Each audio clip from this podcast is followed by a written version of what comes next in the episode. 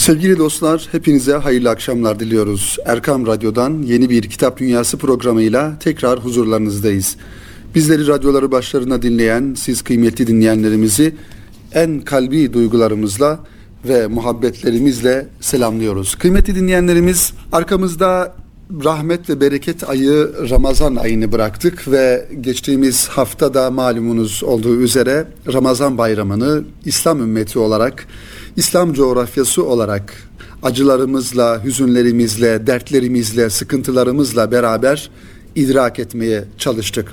İslam dünyasının içinde bulunmuş olduğu hali belki o burukluğun gölgesi içerisinde, gölgesi altında bir Ramazan bayramı idrak ettik hüzünlerimizle ve dertlerimizle.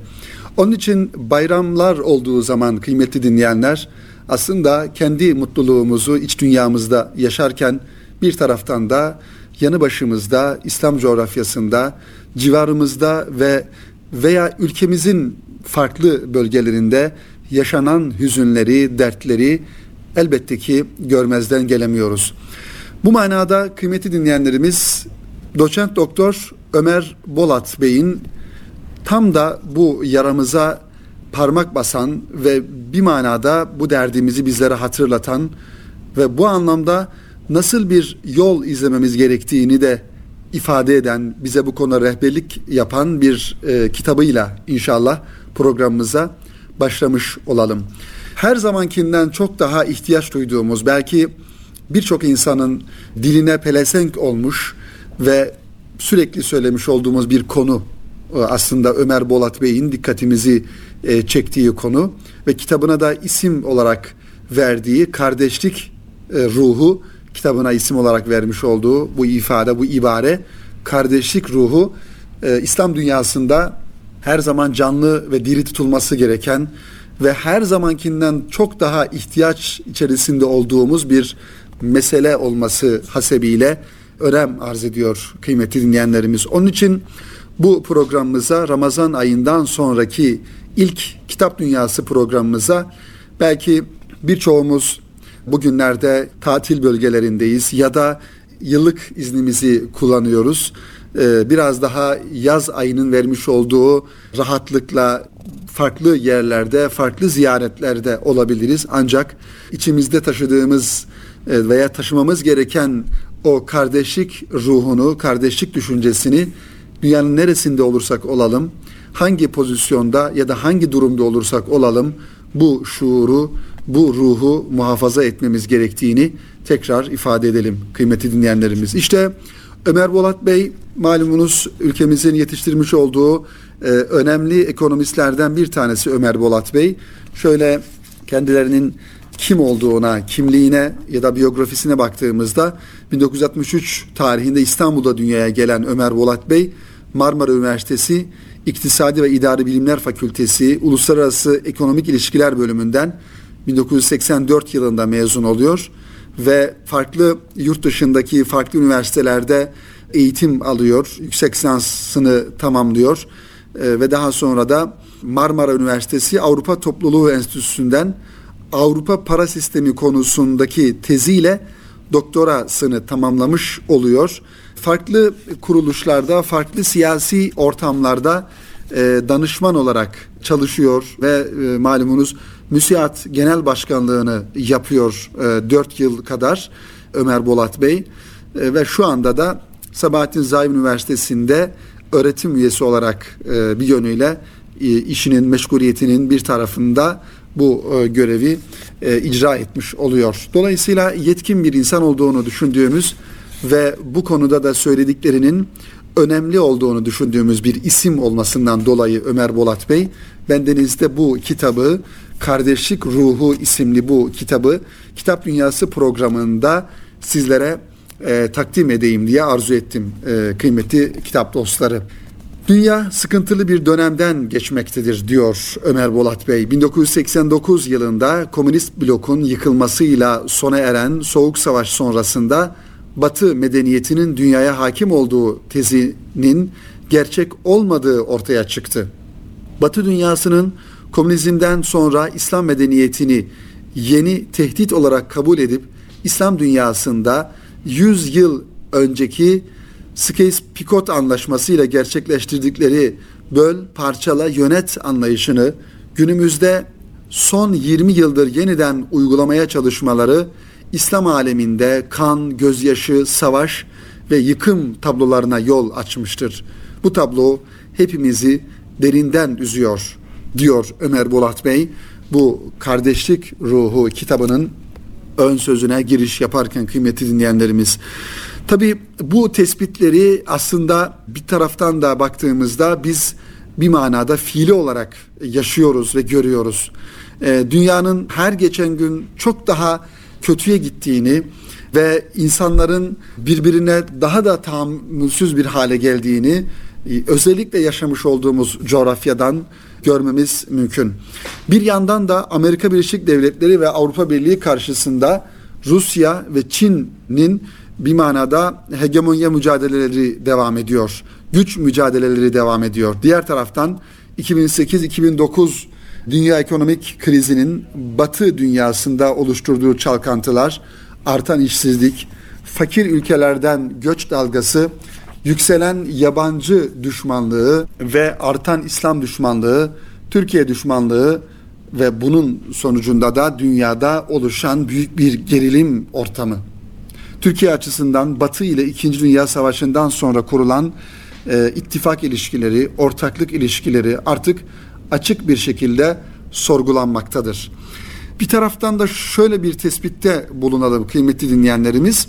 Eskiden dediğim bundan 10 sene 20 sene öncesine baktığımızda dünya kamuoyundaki siyasi dilin, politik dilin daha dolaylı ve daha dikkatli bir dil olduğunu ifade edebiliriz. Yani ülke liderleri birbirlerine karşı söylemlerini ve ifadelerini daha dolaylı ifadelerle dertlerini ya da sıkıntılarını ya da düşmanlıklarını ifade ederken baktığımızda bugüne artık bir manada e, herkes düşmanlığını çok açık bir şekilde ya da dostluğunu açık bir şekilde ifade ediyor.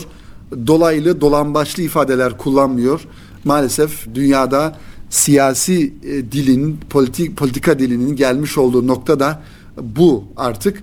Belki böyle olması bir yönüyle kaçınılmaz oldu. Çünkü baktığımızda bir taraftan e, dünyada verilen savaşlar, e, ekonomik savaşlar, siyasi savaşlar, dini savaşlar aslında bütün hepsinin altında yatan e, ve önemli bir nokta olan, önemli bir tesiri olan dini savaşlar olduğunu da ifade edebiliriz. Bugün Türkiye'nin etrafında dönüp dolaşan bu ateş çemberinin altında yatan sebeplere baktığımızda ya da Türkiye için arka planda oluşturulan o dolapların ya da Türkiye ile alakalı bir takım kumpasların, komploların, oyunların arkasına baktığımızda, altyapısına baktığımızda elbette ki bir dini e, bir savaşın olduğunu e, görebiliyoruz. Onun için bölgemizde, coğrafyamızda maalesef e, kıymetli dinleyenlerimiz ülkemiz yıkılmamış, ve ayakta durabilen, kendi ayakları üzerinde durabilen, durma gayretini, iradesini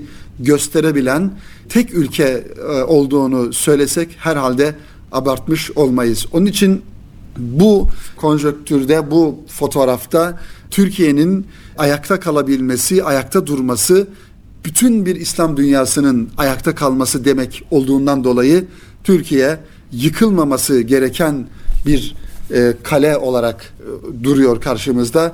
Burada da bu ülkenin mensubu olan bizler, bizlere ne kadar büyük görevler düştüğünü de ifade edelim. Ve Türkiye resmine baktığımızda 15 yıl hüküm süren AK Parti hükümeti ile siyasi mücadelede demokrasi dışı yöntemler olan e-muhtıralar, kapatma davası derken son 4 yıldır Batı dünyasının organize ettiği ve maalesef yurt içindeki bir kısım aktörler tarafından oynanan başta gezi kalkışması, bürokratik darbe girişimi, bölücü terör örgütünün kırsal ve şehir eylemleri ve son olarak da ki yavaş yavaş yıl dönümüne e, girdiğimiz ilk yılı olan 15 Temmuz e, başarısız darbe girişimi ile adeta soluksuz bir mücadele arenası içinde olduğumuzu gözlemliyoruz. Gerçekten kıymeti dinleyenler bu son dört yılda o kadar çok ülkemizi içeride ve dışarıda meşgul eden o kadar çok e, ihanet saldırıları e, yaşandı ki maalesef ülkemizdeki e, devleti idare eden siyasilerin bu hadiselerden kafasını kaldırıp kendi ülkemiz içerisinde çözülmesi gereken farklı alanlardaki problemlere zaman ayıramadıklarını, zaman bulamadıklarını da görmüş oluyoruz. Onun için içeriden ve dışarıdan şer odaklarının, dışarıdaki şer odaklarının içerideki piyonları aracılığıyla bu ülkenin birliğine, beraberliğine, kardeşliğine, atar damarlarına, sinir uçlarına dokunacak her türlü taarruzun karşısında elimizin elimizden geldiği kadar durmak zorunda olduğumuzu söyleyelim. Batı dünyasının 16 Nisan 2017 referandumunda aldığı hayır pozisyonu ve eylemleriyle güzel ülkemiz üzerindeki oyunlara açıkça destek verdiği görülmüş oluyor. Bazı komşu ülkelerin içine düştüğü durumu göz önüne alırsak Türkiye son 4 yıldır dışarıdan müdahalelere maruz kalmakta adeta var olma ve birliğini koruma mücadelesi vermektedir. Peki şöyle bir soru aklımıza gelebilir sevgili dostlar. Daha önceki yıllarda yani bundan 15 sene önce 20 sene önce nasıl oluyordu bu işler? Nasıl oluyordu? Dışarıdaki güçlerin elinde olduğundan dolayı içerideki yöneticilerin e, iradeleri onlar ne diyorsa zaten onlar gerçekleşiyordu. Dolayısıyla Türkiye e, dışarıdaki güçleri rahatsız edici bir pozisyonda durumda olmuyordu. Çünkü onlar ne diyorsa zaten ülkede oluyordu ve e, Türkiye'nin ekonomik anlamdaki bağımlılığı çok daha fazla, çok daha aşikar e, idi o yıllarda. Ne oldu bu son 15 yılda? Türkiye dedi ki ben kendi ayaklarım üzerine durmaya çalışacağım, kendi kültürümle var olmaya çalışacağım, özgün halimle, kendi varlığımla, toplumumla, kendi geleneklerimle, kendi dini hayatımla ben bu bölgede, bu coğrafyada var ol, olacağım dedi ve iddialı bir söz söylemiş oldu. iddialı bir yola girmiş oldu. Onun için bugün Türkiye'nin içinde bulunmuş olduğu bu sıkıntılara maruz kalması elbette ki Türkiye'nin bir varlık mücadelesi vermesinden dolayı, vermesinin sonucu olarak e, karşımıza çıkıyor. İşte son bir olumsuzluk da bir zamanlar kardeş olan, aynı davanın peşinde koşan, aynı kıbleye yönelen, yoklukta paylaşmayı bilen, fedakarca çalışan, tek gayesi Cenab-ı Hakk'ın rızasını kazanmak ve ülkemiz, halkımız için mücadele etmek olan kardeşler arasında tartışmaların, rekabetin, ayrılık rüzgarlarına yol açması tehlikesidir diyor e, yazarımız. Tabi bir taraftan bu kadar dış dünyadan saldırılar, bu kadar taarruzlar varken elbette ki bir taraftan da içeride kardeşler arası atılan o tohumların, fitne tohumlarının e, büyümesi, boy vermesi ve bir zamanlar aynı davaya omuz veren insanların gerek siyasi alanda gerek farklı alanlarda, sivil toplum alanlarında burada da bizi bekleyen önemli bir tehlikeye dikkatimizi çekiyor. Bu manada Müslümanlar arasına girmesi ihtimal olan fitneye e, bir taraftan dikkatimizi çekmiş oluyor. İslam dünyası ve onun kalbi omurgası olan Türkiye'de hepimizin büyük imtihandan geçtiğimizi unutmayalım. Bu imtihandan geçmek de geçmemek de ülkemizin tarihine ve İslam tarihine kaydolacaktır. Gelecek nesiller bu gerçekleri okuyacaklardır. En önemlisi her şeyi gören ve ahiret günü hesap vermek zorunda olduğumuz Cenab-ı Hakk'ın indindeki konumumuz ve görevlerimizdir. Bu nedenle hepimizin kardeşlik ruhunu yeniden hatırlaması, ona sımsıkı sarılması, Cenab-ı Hakk'a olan inancımızla Türkiye ve İslam dünyasının iyiliği, huzuru ve maddi manevi refahı için fedakarca çok çalışmamız gerektiğidir. U, gerektiğidir. Unutmayalım ki müminler kardeştir. Müminin en önemli vasıfları da her durumda doğruyu söyleyen, adaletle hükmeden ve emaneti koruyan birisi olmasıdır. Bu kitabının ön sözündeki bu düşüncelerini sizlerle paylaşmış olduk kıymetli dinleyenlerimiz ve baktığımızda 190 sayfadan oluşan cep kitabı boyutunda kardeşlik ruhu doktor doçent doktor Ömer Bolat Bey'in Görüş yayınlarından e, neşretmiş olduğu bu ki görüş yayınları Bilim Evi basın yayın firmasına ait bir e, yayın evi. Bu yayın evinden çıkan bu kitap gerçekten e, son dönemde örselenen, bozulan ve bir manada kırılmaların yaşandığı o kardeşlik ruhunu, kardeşlik duygularımızı yeniden ayağa kaldırma noktasında bir katkı sağlayacağını düşündüğümüz bir kitap. Tabi bizleri dinleyen siz kıymetli dinleyenlerimizin, kitap dostlarımızın elbette ki bu anlamdaki şuura ve bilince sahip olduğunuzun farkındayız. Ancak et tekraru ahsen velev kâne 180 e, sözü mucibince zaman zaman bildiğimiz konuları, aşina olduğumuz konuları da hem kendimize hem siz kıymetli dinleyenlerimize hatırlatma ihtiyacını da burada ifade etmiş olalım. Bu kitabı da bu düşünceyle tanıtmış olalım sevgili kitap dostları.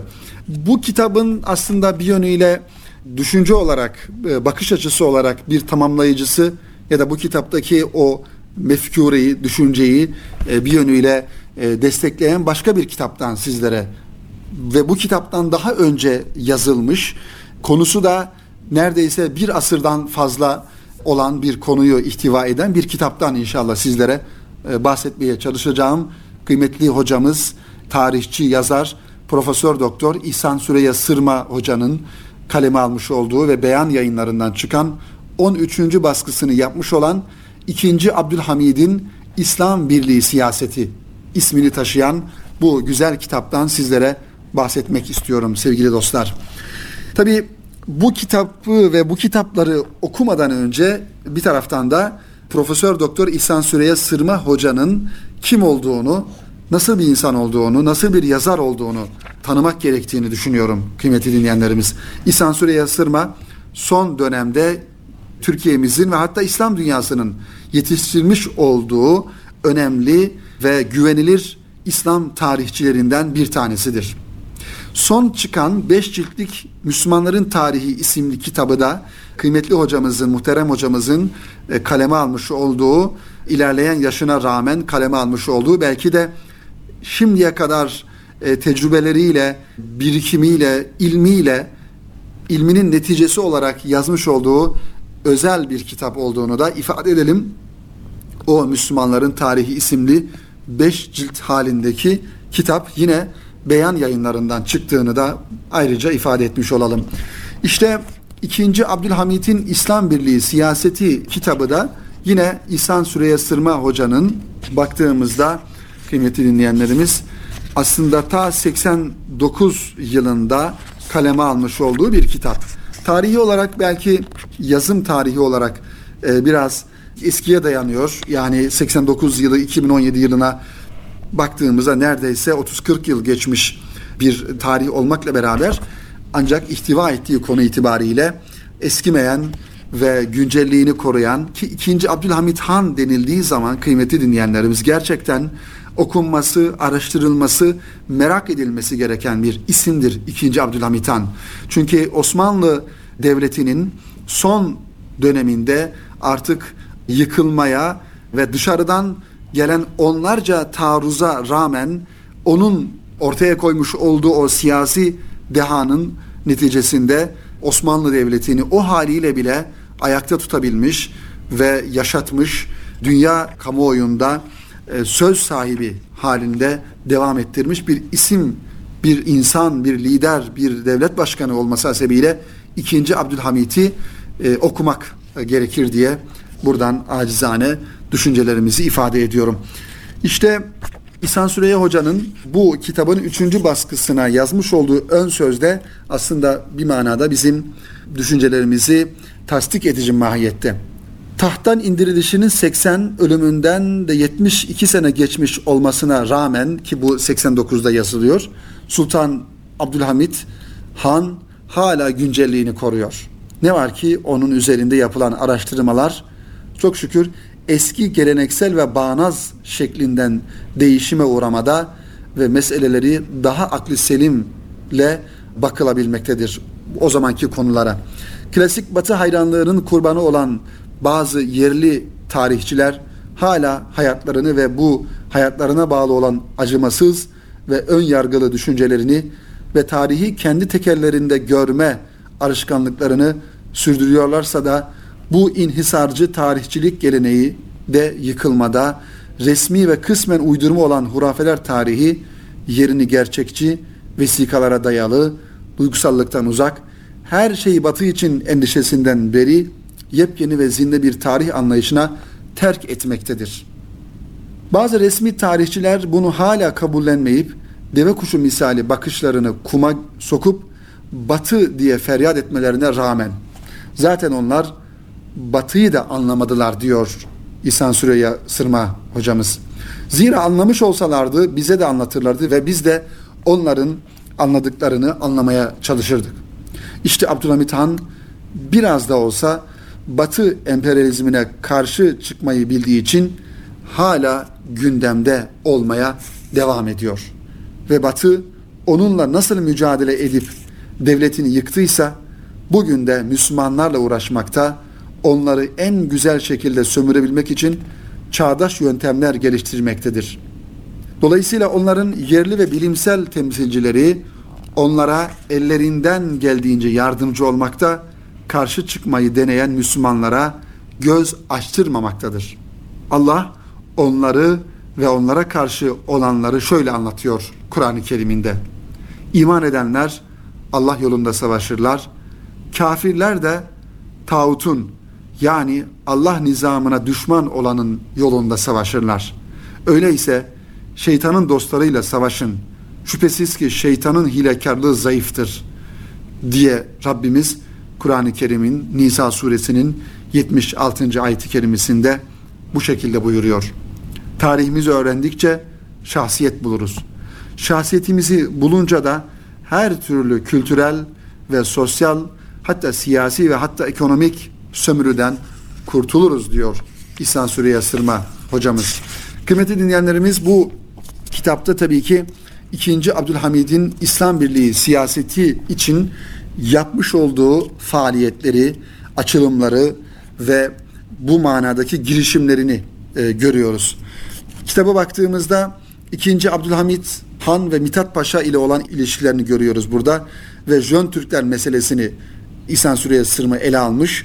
Arap Birliği siyaseti o dönemlerde e, yani Osmanlı'nın son dönemlerinde bir taraftan da Arap Birliği'nin oluşması ve e, buna karşı 2. Abdülhamit Han'ın İslam Birliği yani Panislamizm ile alakalı yapmış olduğu dini alanda birlik beraberlik kurmak için yapmış olduğu çalışmalar ve bu çalışmaları yaparken yardım aldığı Muhammed Abduh ile olan ilişkisi Batı emperyalizmine karşı 2. Abdülhamit'in gütmüş olduğu siyaset, İslam Birliği siyaseti, o dönemdeki Ermeni meselesi ve İslam dünyası olarak görmüş olduğu Osmanlı coğrafyası, Osmanlı toprakları içerisinde kimisi kaybedilmiş, kimisi kaybedilmeye yüz tutmuş olan bölgelerde 2. Abdülhamit Han'ın Müslümanları birlik ve beraberlik içerisinde tutabilmek için e, yapmış olduğu siyaset bu kitapta yer alıyor ve tabii ki son olarak da sonuna doğru kitabın ikinci Abdülhamit Han'ın halledilme yani tahttan indirilmesini burada İhsan Süreyya Sırma hocamız kendi ifadeleriyle anlatmaya çalışıyor kıymetli dinleyenlerimiz. Tabi 2. Abdülhamit Han'ın halledilmesi, tahttan indirilmesi gerçekten İslam dünyası adına çok dramatik bir hadise olarak tarihi kaynaklarda yerini alıyor ve o kadar mücadele vermesine rağmen, o kadar çok e, gayret göstermesine rağmen maalesef 2. Abdülhamit Han'ın tahttan indirilmesi ile bir manada Osmanlı Devleti'ne son darbeyi de e, vurmuş oluyorlar. O zamanki Osmanlı Devleti'nin düşmanları diyelim kıymeti dinleyenlerimiz. Ve şöyle bir e, kitabın sonunda Rıza Tevfik'in 2. Abdülhamit Han'ın hallinden sonra, tahttan indirilişinden sonra e, Rıza Tevfik'in 2. Abdülhamit'in ruhaniyetinden istimdat e, başlığıyla e, yazmış olduğu şiirden birkaç e, mısrayı da inşallah sizlere sunarak bu kitabımızın tanıtımını da sonlandırmış olalım kıymetli dinleyenlerimiz. Tabi bu şiiri takdim etmeden önce şunu da ifade etmek gerekiyor bir parantez açarak kıymetli dinleyenlerimiz. İkinci Abdülhamit Han'ın siyaseti ile alakalı kendi döneminde yaşayıp yanlış anlayan ve daha sonra da pişmanlıklarını dile getiren birçok yazar, şair, muharrir o dönemde mütefekkir insan olduğunu, insanlar olduğunu görüyoruz. Bunlardan bir tanesi de malum merhum Mehmet Akif e, Ersoy. Bir zamanlar e, 2. Abdülhamit Han'ın o e, devleti yönetme e, siyasetiyle alakalı eleştirileri olurken e, vefatından sonra onun pişmanlığını duyduğunu da ifade ediyor. Rıza Tevfik diyor ki Neredesin Şevketli Sultan Hamit Han? Feryadım varır mı barigahına? Ölüm uykusundan bir lahza uyan, şu nankör milletin bak günahına. Tarihler ismini andığı zaman sana hak verecek ey koca sultan.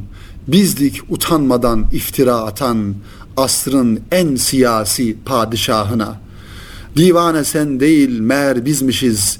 Bir çürük ipliğe hülya dizmişiz. Sade deli değil edepsizmişiz. Tükürdük atalar kalbigahına. Sonra cinsi bozuk ahlakı fena bir sürü türedi girdi meydana. Nereden çıktı bunca veledi zina? Yuh olsun bunların ham ervahına. Bunlar halkı didik didik ettiler. Katliama kadar sürüp gittiler. Saçak öpmeyenler secde ettiler diye bu devam ediyor tabi. Bugün varsa yoksa şöhretine herkes fuzuli dellal, alemi manada bak da ibret al. Uğursuz talihin şu kemrahına haddi yok açlıkla derde girenin sehbayı kazaya boyun verenin bu şekilde bir bir pişmanlık e, ifadesi e, içeren e, bu şiir Rıza Tevfik'in kaleme almış olduğu e, ve 2. Abdülhamit Han'dan bir manada af dilediği e, bir şiiri kıymeti dinleyenler. Bu e, kitabın e, okunması özellikle bugünlerde yaşamış olduğumuz şu siyasi politik ortamda çok daha e, elzem olduğunu e, düşünüyoruz kıymetli e, dinleyenlerimiz. Tabi İhsan Süreyya Sırma Hoca bu kitabının son bölümünde bir değerlendirme yazısı da kaleme alarak şu ifadelere yer veriyor. Diyor ki bizim anladığımız ya da anlamadığımız diyor az önce bahsettiğim 2. Abdülhamit Han'ın kendi dönemindeki bir takım muharirlerin onu yanlış anladığı ile alakalı anlamakta güçlük, güçlük çektiğimiz diyor. Elmalılı Hamdi Yazır'ın Bediüzzaman Said Nursi ve Mehmet Akif gibilerinin de bu oyuna gelmiş olmalarıdır. Yani 2. Abdülhamit Han'ı yanlış anlama noktasında onun yanında değil de maalesef o yıllarda onun karşısında onu eleştiren e, bir pozisyonda olmalıdır. Bunu da İhsan Süreyya Sırma hocamız e, ifade ediyor kıymetli dinleyenlerimiz. Bu kitabı da sizlere inşallah takdim etmiş olalım. Efendim e, birkaç kitabımız daha var. Onlar onlarla ilgili de şöyle sadece isimlerini sizlere e, takdim edelim ve önümüzdeki haftaya bırakalım diye arzu ediyorum. Onlardan bir tanesi İbn Fadlan'ın seyahatnamesini ben bu hafta sizlere takdim etmeyi düşünüyordum ancak zamanımız yeterli olmadığından dolayı önümüzdeki haftaya bırakalım. Yeditepe yayınlarından çıkan Ramazan Şeşen beyefendinin tercüme ettiği İbn Fadlan seyahatnamesi özellikle yaz aylarında e, daha çok seyahatlerin olduğu, gezmelerin olduğu, ziyaretlerin olduğu bir dönemde bu kitabı sizlere tanıtmamın uygun olacağını düşündüm kıymetli dinleyenlerimiz. Diğer bir konu olarak sizlere aktarmak e, istediğim sahaflarla alakalı bir mevzumuz vardı. E, sahafların e, güzelliğini, ehemmiyetini sizlere inşallah takdim etmeye çalışacağım önümüzdeki hafta ve bir kitapta yine Veysel Akkaya Bey'in Evliyaullah'ın Mekke Medine Hatıraları isimli kitap. Aslında bu kitap birkaç haftadan beri masamda duruyor. Bir türlü fırsat olmadı, sıra gelmedi daha doğrusu ama inşallah önümüzdeki haftanın ilk kitabı olarak bu kitabı sizlere takdim etmeyi arzu ediyorum. Evliyaullah'ın Mekke Medine Hatıraları güzel bir kitap. Ee, Veysel Akkaya Bey'in hazırlamış olduğu ve Erkam yayınlarından çıkan bu kitabı da inşallah önümüzdeki haftanın Kitap Dünyası programına ayırmış olalım, e, saklamış olalım sevgili e, kitap dostları. Efendim Erkam Radyo'da Kitap Dünyası programının burada sonuna gelmiş bulunuyoruz. Bizleri radyolara başlarında dinleyen siz kıymetli dinleyenlerimize İstanbul'dan kucak dolusu sevgilerimizi, selamlarımızı, muhabbetlerimizi gönderiyoruz. Önümüzdeki hafta yeni kitaplarımızla ve yeni konularımızla tekrar buluşmak ümidiyle hepinizi Rabbime emanet ediyorum. Hayırlı akşamlar diliyorum efendim.